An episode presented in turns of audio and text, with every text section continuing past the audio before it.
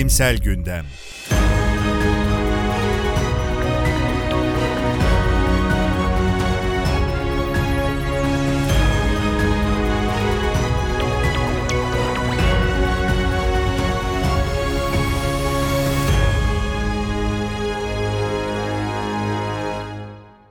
Abdi İbrahim'in hazırladığı Bilimsel Gündem'in 44. sayısına hoş geldiniz.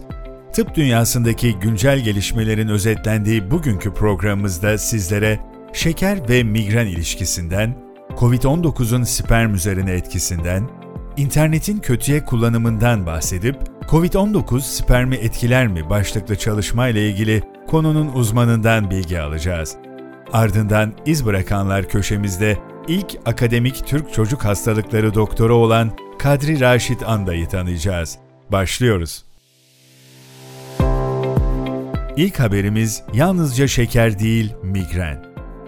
Gözlemsel çalışmalarda migren ve glisemik faktörlerin ortaya çıkışı rapor edilmişse de arasında nasıl bir genetik bağlantı olduğu tam olarak bilinmemektedir.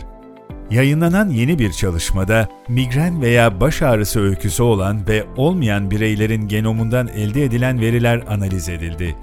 Migrenle açlık insülini, açlık glikozu ve glikolize hemoglobin arasında, ayrıca baş ağrısıyla glikoz, açlık insülini, glikolize hemoglobin ve açlık proinsülini arasında genetik bir bağlantı olduğu bulundu.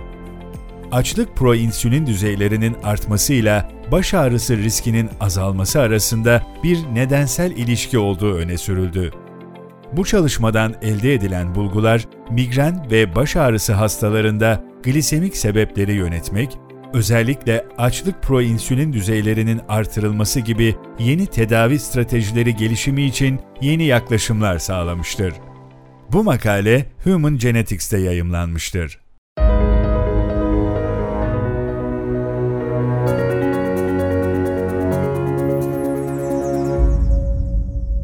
Araştırmacılar COVID-19'un sperm kalitesi üzerindeki etkisiyle ilgili bir makale yayımladılar. COVID-19'un erkek cinsel ve üreme üzerindeki etkisinin incelendiği bu çalışmada primer infertilite tanısı alan hastalar araştırıldı. Pozitif PCR sonucu olan ve hastalığı semptomatik olarak geçirenler çalışmaya dahil edildi.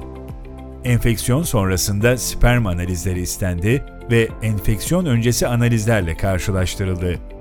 Daha önceki çalışmalarda ateşli seyreden viral hastalıkların sperm parametrelerini bozabildiği, COVID-19'un testiküler patolojilere sebep olabileceği iddia edilmişti. Ancak bu çalışmada COVID-19 enfeksiyonu geçiren hastaların enfeksiyon öncesi ve sonrası toplam sperm sayısı, mililitredeki sperm yoğunluğu, toplam hareketlilik, progresif hareketlilik ve normal morfolojideki sperm oranı gibi parametrelerde anlamlı bir değişiklik saptanmadı. Sonuç olarak günümüzde pandemik hale gelen COVID-19 enfeksiyonunun sperm parametreleri üzerine olumsuz etkilerinin olmadığı veya bu olumsuz etkilerin geçici olduğu düşünüldü. Bu makale Androloji Bülteni'nde yayımlanmıştır.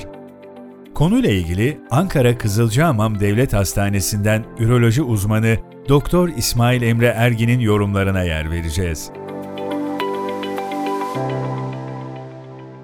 Covid-19 salgınının erkek infertilitesi üzerine etkisini araştırdığımız bu yazımızda kendi kliniğimizde takipli ve Covid enfeksiyonu öncesi sperm analizleri mevcut olan hastalarımızın geçirmiş oldukları Covid enfeksiyonları sonrası sperm analizleri önceki analizleriyle kıyaslandı. Sperm sayıları, hareketliliği ve sperm morfoloji parametreleri kıyaslandı. Her ne kadar benzer çalışmalarda COVID enfeksiyonunun sperm kalitesini bozduğu belirtilse de bizim çalışmamızda sperm parametrelerinin bozulmadığı ve istatistiksel olarak anlamlı değişikliğin olmadığı tespit edildi. Diğer çalışmalara göre olan bu farklılığın sebebi olarak hasta popülasyonumuzun daha az şiddetli enfeksiyon geçirmesi olarak düşünüyoruz.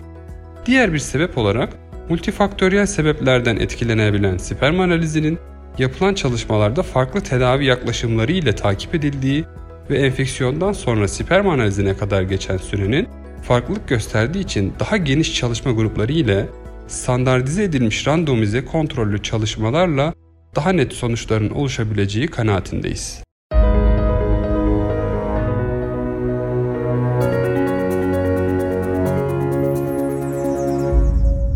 Bu haftanın iz bırakanlar köşesinden önce son haberimize geçelim. İnternetin kötüye kullanımı İnternet bağımlılığı, çeşitli sosyal medya bağımlılığı biçimlerini, sanal sohbeti, çevrim içi alışverişi, çevrim içi oyun bağımlılığını ve aşırı film, fotoğraf veya uygulama indirmeyi içerir. İnternetin kötü amaçlı kullanımı kavramı, bir kişinin interneti planladığının ötesinde kullandığı durumları ifade eder.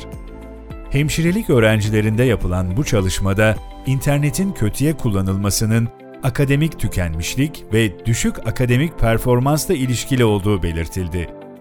Öğrencilerin interneti kötüye kullanmanın sonuçlarına ilişkin farkındalığını artırmak için eğitimsel müdahalelerin gerekli olduğu vurgulandı. Bu makale Biomed Research International'da yayımlanmıştır.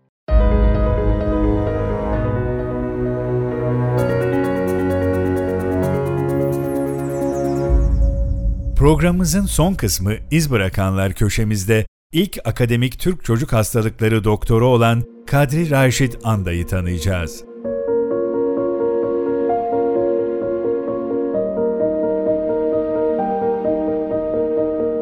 Merhaba, ben Kadri Reşit Anday.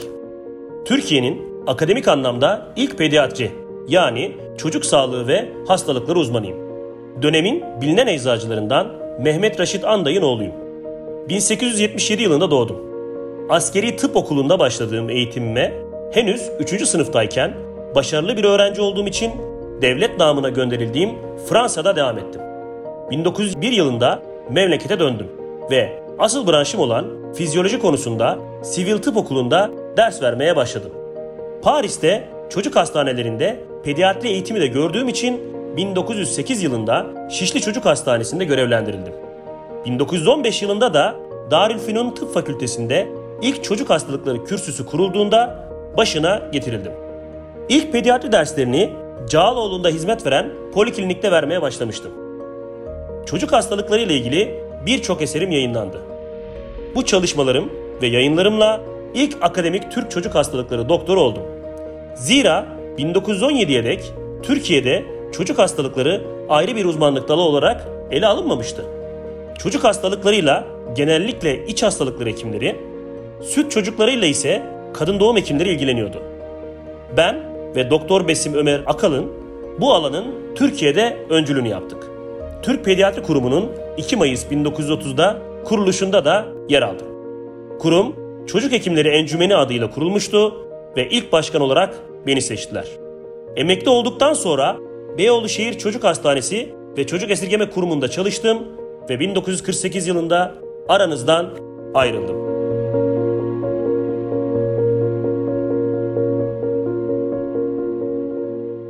Bugünkü programımızın böylece sonuna geldik. 15 gün sonra yeni bilimsel gelişmeleri paylaşacağımız programımızda görüşmek üzere. Bizleri Spotify, YouTube, Google Podcast ve Anchor resmi hesaplarımızdan takip edebilir, abone olarak yeni sayılar yayınlandığında bildirim alabilirsiniz.